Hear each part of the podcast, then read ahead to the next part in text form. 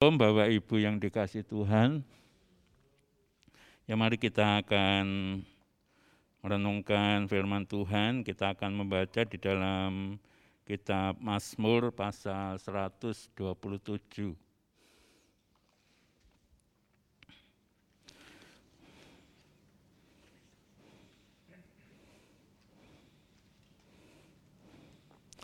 Satu ayat, ayat yang pertama. Mazmur pasal 127 ayat pertama. Demikian firman Tuhan. Nyanyian siarah Salomo. Jikalau bukan Tuhan yang membangun rumah, sia-sialah usaha orang yang membangunnya Jikalau bukan Tuhan yang mengawal kota, sia-sialah pengawal berjaga-jaga. Bapak Ibu yang dikasih Tuhan, kita tahu bahwa Salomo adalah orang yang memiliki hikmat karena kasih karunia yang Tuhan berikan kepada Salomo ketika Tuhan berkata, apa yang engkau minta daripadaku? Salomo tidak minta harta kekayaan, tetapi Salomo minta kepada Tuhan, berikan aku hikmat, kebijaksanaan yang daripada engkau Tuhan. Dan Tuhan memberikan itu kepada Salomo. Sehingga dengan hikmat, kebijaksanaan, ya, kepandaian yang daripada Tuhan, ya, semestinya Salomo bisa melakukan perkara-perkara yang besar sebagai pengganti Daud menjadi raja bagi bangsa Israel bisa memimpin bangsa Israel, bisa mengendalikan segala sesuatunya dengan baik, dan lain sebagainya. Secara manusia, Salomo bisa mengerjakan segala sesuatu dengan hikmat, ya, akal budi, kepandaian yang diberikan oleh Tuhan kepadanya. Tetapi diri firman Tuhan ini, Bapak, Ibu, dan Saudara yang dikasih Tuhan, Salomo sebagai raja bagi bangsa Israel menyadari dan mengakui bahwa tanpa campur tangan Tuhan, maka semua yang dilakukan itu sia-sia. Ya. Tanpa perkenan Tuhan, tanpa ikut serta Tuhan, dikatakan tadi ayat yang kita baca, jikalau bukan Tuhan, ya, jikalau bukan Tuhan, artinya bahwa hikmat yang dimiliki, kepandaian yang dimiliki, kebijaksanaan-kebijaksanaan yang dimiliki oleh Salomo tidak ada artinya apa-apa.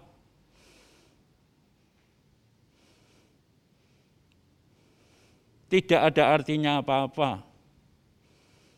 Jikalau tidak ada Tuhan, jikalau bukan Tuhan, maka semua akan sia-sia. Ya, semua akan sia-sia. Jikalau bukan Tuhan yang membangun rumah, sia-sialah usaha orang yang membangunnya. Jikalau bukan Tuhan yang mengawal kota, sia-sialah pengawal berjaga-jaga. Artinya jikalau hanya mengandalkan kekuatan manusia, ya kemampuan yang dimiliki, ya kepandaian, hikmat dan lain sebagainya, segala usaha yang dilakukan itu tidak ada artinya apa-apa. Ya, akan sia-sia saja. Ya. Tentunya menurut keberhasilan tolok ukurnya adalah yang daripada Tuhan. Memang manusia bisa mengerjakan ini itu dan lain sebagainya. Tetapi segala sesuatu yang dari manusia itu tidak akan pernah mencapai satu hasil yang maksimal, tidak akan pernah mencapai satu hasil yang uh, sempurna. Ya. Hal inilah yang menyadarkan kepada Salomo bahwa di dalam segala sesuatu Salomo senantiasa mengandalkan Tuhan Salomo senantiasa berserah kepada Tuhan. Salomo senantiasa mengikut sertakan Tuhan di dalam segala sesuatunya. Manusia boleh berusaha, tetapi Tuhanlah yang memberikan keberhasilan yang sesungguhnya Tuhanlah yang memberikan keberhasilan yang maksimal tanpa Tuhan. Manusia sangat terbatas. Inilah Bapak Ibu dan Saudara yang dikasih Tuhan. Kalau kita melihat dunia sekarang ini, ya sering kali mengandalkan kepandaiannya, mengandalkan hikmatnya, tetapi semua sia-sia seperti apa yang difirmankan oleh Tuhan ini. Dan kalau kita melihat di dalam Alkitab, ya, kita boleh menemukan bagaimana tanpa karya Tuhan, tanpa ikut serta Tuhan, tanpa pertolongan Tuhan, semuanya tidak ada kepastian. Ya. Semuanya akan sia-sia saja. Tetapi jikalau Tuhan ditempatkan di tempat yang utama, jikalau Tuhan menjadi harapan di dalam kehidupan. Jikalau Tuhan diperkenankan untuk ikut ambil bagian cawe-cawe, bahkan Tuhan menjadi patokan boleh dikatakan di dalam setiap apa yang dikerjakan, maka hasilnya akan sangat maksimal. Ya, keberhasilannya akan sangat memuaskan. Kita melihat bangsa Israel, ya, di mana Tuhan berjanji kepada bangsa Israel memberikan tanah Kanaan kepada bangsa Israel. Ketika bangsa Israel keluar dari tanah perbudakan yaitu tanah Mesir. Untuk bisa mencapai tanah perjanjian. Bukan satu hal yang mudah begitu saja, tetapi harus menempuh satu perjalanan yang cukup lama, yang cukup jauh, sehingga dalam perjalanan itu kita merenungkan, kita membaca, ya, kesaksian Alkitab yang menyatakan bahwa tanpa campur tangan Tuhan, bangsa Israel tidak mungkin akan bisa mencapai tanah perjanjian itu. Bagaimana tidak sebagai budak di tanah Mesir ratusan tahun mereka menjadi budak yang tertanam di dalam pikirannya, di dalam hatinya, ya. Pokoknya bisa mengerjakan apa yang harus dikerjakan, bisa makan, ya, bisa cukup hidup, selesai hari ini. Ya, besok begitu lagi, besok begitu lagi dan itu sudah tertanam di dalam hidupnya bagi bangsa Israel pada waktu itu. Nah kemudian harus keluar dari tanah perbudakan. Ya, berjalan di padang gurun yang boleh dikatakan tandus, keadaannya keras. Bagaimana mungkin mereka bisa melaluinya tanpa campur tangan Tuhan? Tidak mungkin. Tetapi oleh karena Tuhan berkenan untuk terus menyertai bangsa Israel mempedulikan bangsa Israel, membela bangsa Israel. Maka akhirnya apa yang dijanjikan Tuhan itu boleh diterima oleh bangsa Israel sekalipun sebagian besar ya orang-orang yang keluar dari tanah Mesir tidak bisa masuk ke tanah Kanaan. Tapi paling tidak di selama perjalanan ya karena Tuhan ikut campur tangan dalam perjalanan bangsa Israel ini boleh menghantarkan bangsa Israel masuk ke tanah perjanjian. Ya.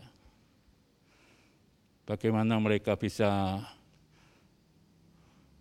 menyeberangi laut Tiberau kalau bukan karena Tuhan, tidak mungkin yang mujizat itu bisa terjadi. Ya. Bagaimana mereka bisa mendapatkan air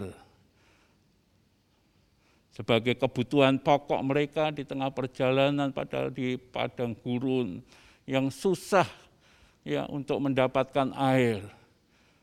Kalau bukan karena Tuhan, yang ikut campur tangan, mereka akan mati di padang gurun dalam keadaan kehausan. Tapi Tuhan begitu baik. Ya. Tuhan bukan saja berjanji, tetapi Tuhan juga senantiasa membela kepada bangsa Israel, menyertai bangsa Israel, menolong bangsa Israel. Dalam perjalanan mereka tidak bisa menanam. Bagaimana mereka bisa makan? Kalau bukan karena Tuhan, mereka tidak mungkin bisa makan. Tiap pagi Tuhan kirim roti mana. Sehingga cukup bagi mereka, bangsa Israel, untuk mendapatkan makanan.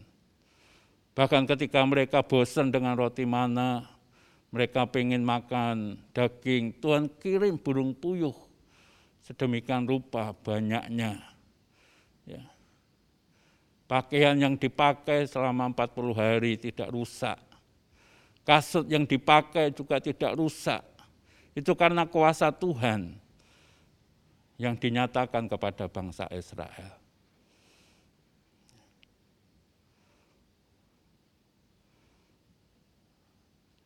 Bapak, Ibu, dan Saudara, kalau firman Tuhan mengatakan, jikalau bukan Tuhan yang membangun rumah, sia-sialah usaha orang yang membangunnya. Jikalau bukan Tuhan yang mengawal kota, sia-sialah pengawal berjaga-jaga. Betul. Ya.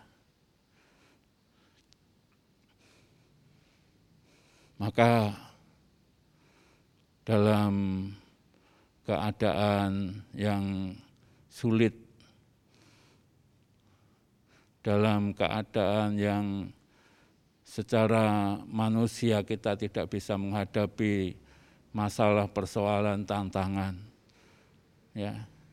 Usaha kita sendiri akan sia-sia, maka satu-satunya jalan, cara adalah senantiasa mengandalkan Tuhan percaya dan mempercayakan semuanya kepada Tuhan. Apa yang menjadi bagian kita, mari kita lakukan. Ya, bagian kita. Kita percaya kepada Tuhan, semakin mendekatkan diri kepada Tuhan, ya, menjaga hidup benar dan kudus di hadapan Tuhan, maka bagian Tuhan akan Tuhan nyatakan dengan dahsyat dan luar biasa. Itu terjadi kepada bangsa Israel pada waktu itu. Setelah Musa kemudian dilanjutkan oleh Yosua. Yosua pun juga begitu. Ya. Kalau bukan karena Tuhan, maka sia-sialah apa yang dilakukan oleh Yosua dan bangsa Israel untuk bisa memasuki tanah Kanaan. Ya, bagaimana tidak? Untuk masuk harus menghadapi sungai Yordan. Bagaimana bisa menyeberangi sungai Yordan kalau bukan karena Tuhan? Bagaimana bisa merobohkan tembok Yeriko yang begitu kuat kokoh kalau bukan karena Tuhan? Bagaimana bisa menaklukkan bangsa-bangsa yang ada di tanah Kanaan kalau bukan karena Tuhan.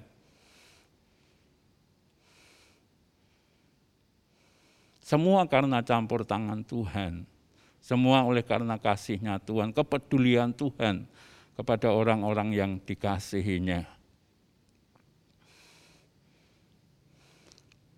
Daud pun ketika dia dipilih oleh Tuhan untuk menggantikan Saul menjadi raja bagi bangsa Israel.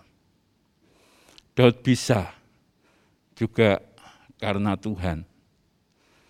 Di dalam kitab 1 Samuel pasal 18 ayat 14 dikatakan, Daud berhasil di dalam segala perkara karena Tuhan menyertai Daud.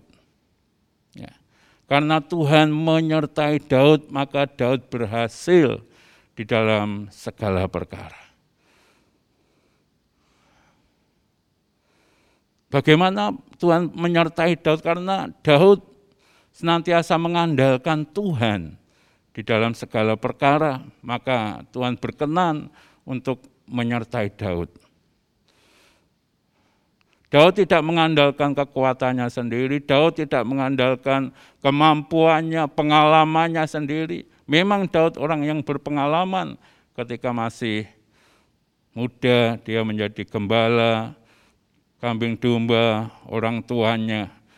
Dan itu menjadikan Daud berpengalaman di dalam menghadapi eh, binatang-binatang buas yang akan menerkam kepada kambing domba yang dipercayakan oleh orang tuanya kepadanya.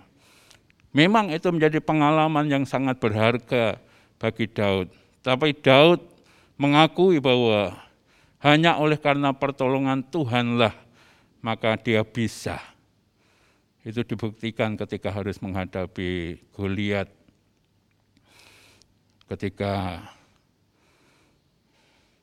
Saul ketakutan, tentara-tentaranya juga takut untuk menghadapi Goliat, panglima tentara dari orang Filistin. Tapi Daud maju. Kenapa Daud berani untuk menghadapi Goliat? Bukan karena Daud bisa, bukan karena Daud berpengalaman, karena Daud memang tidak berpengalaman sebagai seorang prajurit. Dia hanya berpengalaman sebagai gembala kambing domba. Tetapi yang dimiliki oleh Daud adalah dia katakan kau menghadapi aku dengan segala kekuatan. Kau memakai pakaian perang, kau membawa lembing, tombak, pedang, tetapi aku menghadapi engkau dengan segala kuasa yang daripada Allah. Artinya bahwa Daud betul-betul hanya mengandalkan Tuhan. Percaya dan mempercayakan akan Tuhan. Inilah kuncinya, Bapak, Ibu, dan saudara yang dikasih Tuhan. Ketika kita merasa tidak bisa, ketika kita merasa terbatas, ketika kita merasa tidak berkemampuan, itulah yang harus ada dalam diri kita, merendahkan diri di hadapan Tuhan. Ya, tidak merasa bisa, tidak merasa pintar, tidak merasa uh, berpengalaman, dan lain sebagainya di hadapan Tuhan. Dan ketika kita menyadari hal itu, merendahkan diri di hadapan Tuhan dan kemudian menyadari bahwa hanya oleh karena Tuhan, maka semuanya akan berhasil. Dan itu yang dilakukan oleh Daud. Bagaimana Tuhan kemudian menyatakan kuasanya. Ya seperti apa yang biasa dilakukan oleh Daud. Dia menghadapi Goliat dipersiapkan, diberi pakaian ya sebagaimana pakaian prajurit, pakai ketopong, pakai baju sirah, ya dan lain sebagainya. Kemudian Daud berusaha untuk berjalan tapi malah tidak bisa berjalan. Karena berat ya. Karena tidak biasa memakainya maka Daud berkata ah aku tidak usah pakai pakaian seperti ini saja. Seperti biasanya saya hanya membawa bandil dan kerikil. Dan itu yang kemudian dipersiapkan oleh Daud. Dan untuk bisa menolong Tuhan bisa menggunakan apa yang ada ya pada diri Daud pada waktu itu. Sekalipun hanya bandil, sekalipun senjatanya hanya sebutir kerikil, ya. Tapi dengan sarana itulah Tuhan menyatakan kuasanya sehingga ketika menghadapi Goliat kemudian maju seperti ketika menghadapi binatang buas dia pasang ya batu kerikil di bandilnya kemudian diayunkan bandil itu ya dan mengenai dahi Goliat yang tidak tertutup oleh uh, ketopong. Ya. Dan akhirnya dari batu yang kecil itu, ya, kalau dulu kecil mungkin kita pernah mainan pelinteng, ya, sekuat-kuatnya menarik karet pelintengan itu kalau bisa kena ya paling benjut. Itu sudah luar biasa. Ya tetapi ini kerikil yang dilempar melalui bandel oleh Daud ini mengenai dai dan kemudian masuk ke dainya. Ya. Dan membuat kemudian Goliat tergeletak, jatuh tergeletak, tidak berdaya. Bukan karena Daud, tetapi karena Tuhan yang memberi kekuatan kepada Daud. Karena Tuhan yang membuat Goliat terjatuh dan tergeletak.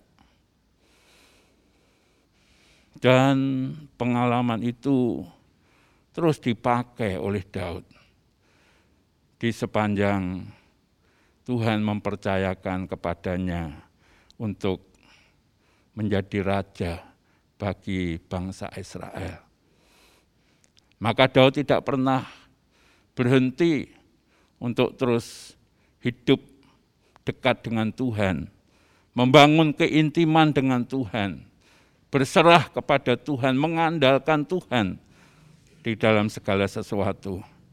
Dia sebagai raja yang pasti sibuk ya baik segala sesuatu harus dikerjakan dan lain sebagainya. Tetapi Daud selalu menyempatkan diri untuk menyembah Tuhan, membangun keintiman dengan Tuhan. Dikatakan tujuh kali sehari dia memuji-muji Tuhan. Ya. Itu yang menjadi kekuatan bagi Daud. Ya. Itu yang membawa Daud kepada kemenangan demi kemenangan, keberhasilan demi keberhasilan. Sebagai seorang raja tentu bukan satu pekerjaan yang mudah, bukan satu pekerjaan yang ringan, tetapi oleh karena campur tangan Tuhan, maka semuanya bisa berjalan dengan baik. Ya, semuanya bisa dikendalikan oleh karena pertolongan yang dari pada Tuhan. Maka Bapak Ibu yang dikasih Tuhan. Bukan satu hal yang kebetulan jikalau kita digerakkan oleh Tuhan melalui Bapak Gembala. Ya. Memang pemerintah sudah berusaha tentu kita percaya dengan hikmat kebijaksanaan juga yang daripada Tuhan bagaimana membuat aturan-aturan, ya bagaimana membuat kebijakan-kebijakan yang harus ditaati dengan disiplin ya oleh seluruh rakyat Indonesia. Ya. Untuk mengatasi virus corona ini. Ya. Tidak boleh keluar rumah kalau tidak memiliki keperluan yang uh, mendesak harus sering-sering cuci tangan dengan sabun ya karena memang virus akan mati ya. Kalau terkena sabun dan dicuci dengan sabun ya. Kemudian jangan kita bergerombol ya. Lebih daripada lima orang karena virus akan e, menginfeksi satu dengan yang lainnya ketika ada persinggungan, ada air liur yang e, bisa mengenai yang lain, ya dan lain sebagainya itu baik-baik. Memang itu yang harus kita lakukan. Tapi satu hal, ya. Firman Tuhan tadi mengatakan segala usaha akan sia-sia. Pekerjaan akan sia-sia. Jikalau bukan Tuhan yang membuat yang sia-sia menjadi berhasil. Semua hanya karena Tuhan. Ya. Maka yang utama adalah kita mengandalkan Tuhan. Kita bersimpuh di bawah kaki Tuhan. Kita bersujud di hadapan Tuhan. Untuk apa? Untuk mohon belas kasihan yang daripada Tuhan. Agar supaya kasihnya dinyatakan, anugerahnya dicurahkan, pertolongannya dinyatakan ya bagi bangsa dan negara kita Indonesia. Sebab berdasarkan ya, pengalaman hamba-hamba Tuhan di dalam Alkitab, mereka bisa berhasil bukan karena kekuatan kemampuannya sendiri, tetapi karena Tuhan. Ya, karena Tuhan. Dalam perjanjian baru pun juga begitu bagaimana rasul-rasul bisa melaksanakan amanat agung yang daripada Tuhan. Itu kalau bukan Roh Kudus yang memimpin mereka, yang memberikan kuasa kepada mereka, tidak mungkin bisa. Artinya kehidupan kita tanpa Tuhan ya sangat-sangat lemah. Tidak berarti apa-apa.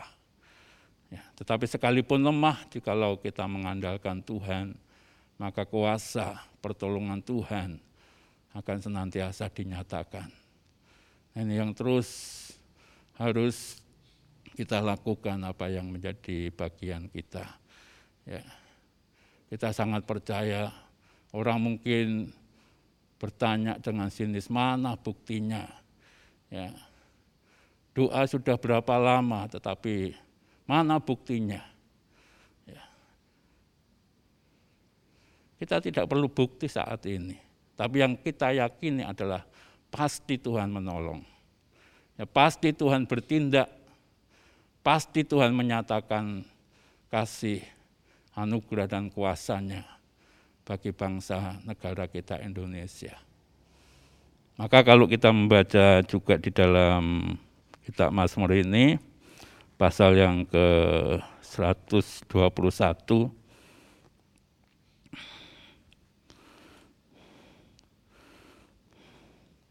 dikatakan, ya saya bacakan ayat 1 sampai ayat 8. Mazmur 121. Aku melayangkan mataku ke gunung-gunung. Dari manakah akan datang pertolonganku? Pertolonganku ialah dari Tuhan yang menjadikan langit dan bumi. Ia takkan membiarkan kakimu goyah. Penjagamu tidak akan terlelap. Sesungguhnya tidak terlelap dan tidak tertidur penjaga Israel. Tuhanlah penjagamu, Tuhanlah naunganmu di sebelah tangan kananmu. Matahari tidak menyakiti engkau pada waktu siang atau bulan pada waktu malam. Tuhan akan menjaga engkau terhadap segala kecelakaan. Ia akan menjaga nyawamu Tuhan akan menjaga keluar masukmu dari sekarang sampai selama-lamanya. Pemasmur ini bertanya-tanya. Dia memandang ke gunung-gunung dan dia bertanya kepada dirinya sendiri, dari manakah akan datang pertolonganku? tapi kemudian mungkin berpikir, ah dari sana, dari sini, dari kekuatan sana, dari kekuatan sini. Tetapi kemudian mengambil satu kesimpulan, ya, mengambil satu uh, ketetapan, ya, bahwa pertolonganku ialah dari Tuhan yang menjadikan langit dan bumi dan seterusnya. Ya. Meyakini bahwa pertolongannya hanya datang dari Tuhan. Tuhan yang maha kuasa, Tuhan yang sanggup melakukan segala perkara, Tuhan yang telah terbukti di dalam kemahakuasaannya dia yang menciptakan langit bumi beserta dengan segala isinya. Bahkan hanya dengan firmannya saja, perkataannya saja, maka apa yang dikatakan, difirmankan oleh Tuhan itu jadi. Ya. Artinya bahwa pertolongan yang sesungguhnya, yang sejati itu datangnya hanya dari Tuhan. Maka tadi di dalam pasal yang ke-127. Ya, jika lau bukan karena Tuhan, maka sia-sialah semuanya. Ya. Maka Bapak Ibu dan Saudara yang dikasih Tuhan, mari kita tetap ya memiliki keyakinan bahwa Tuhan pasti menolong bagi bangsa dan negara kita. Ya, ketika kita terus berharap kepada Tuhan, mengikut sertakan Tuhan di dalam segala sesuatu. Ya, pasti Tuhan akan peduli kepada bangsa kita. Ya, virus oleh karena pertolongan Tuhan, kuasa Tuhan yang dinyatakan akan segera berlalu dari bumi Indonesia ini. Dan kita sangat percaya berulang kali Tuhan memberikan kepada kita bahwa Tuhan punya rencana-rencana yang indah di balik semua kejadian yang sekarang ini terjadi bagi bangsa dan negara kita khususnya Indonesia ini ya. Apakah itu tentang pertobatan pastinya karena itu rencana Tuhan. Ya, segala sesuatu yang baik pasti akan terjadi bagi bangsa negara kita. Ketika kita mengandalkan Tuhan, percaya mempercayakan semuanya kepada Tuhan. Ya puji Tuhan ini menjadi dasar bagi kita terus kita berdoa memohon kepada Tuhan dan pasti Tuhan yang penuh dengan kasih itu akan peduli mengerti setiap pergumulan-pergumulan yang kita bawa kepada Tuhan. Ya puji Tuhan, Tuhan memberkati kita sekalian. Saya kembalikan kepada Bapak Pendeta Satria.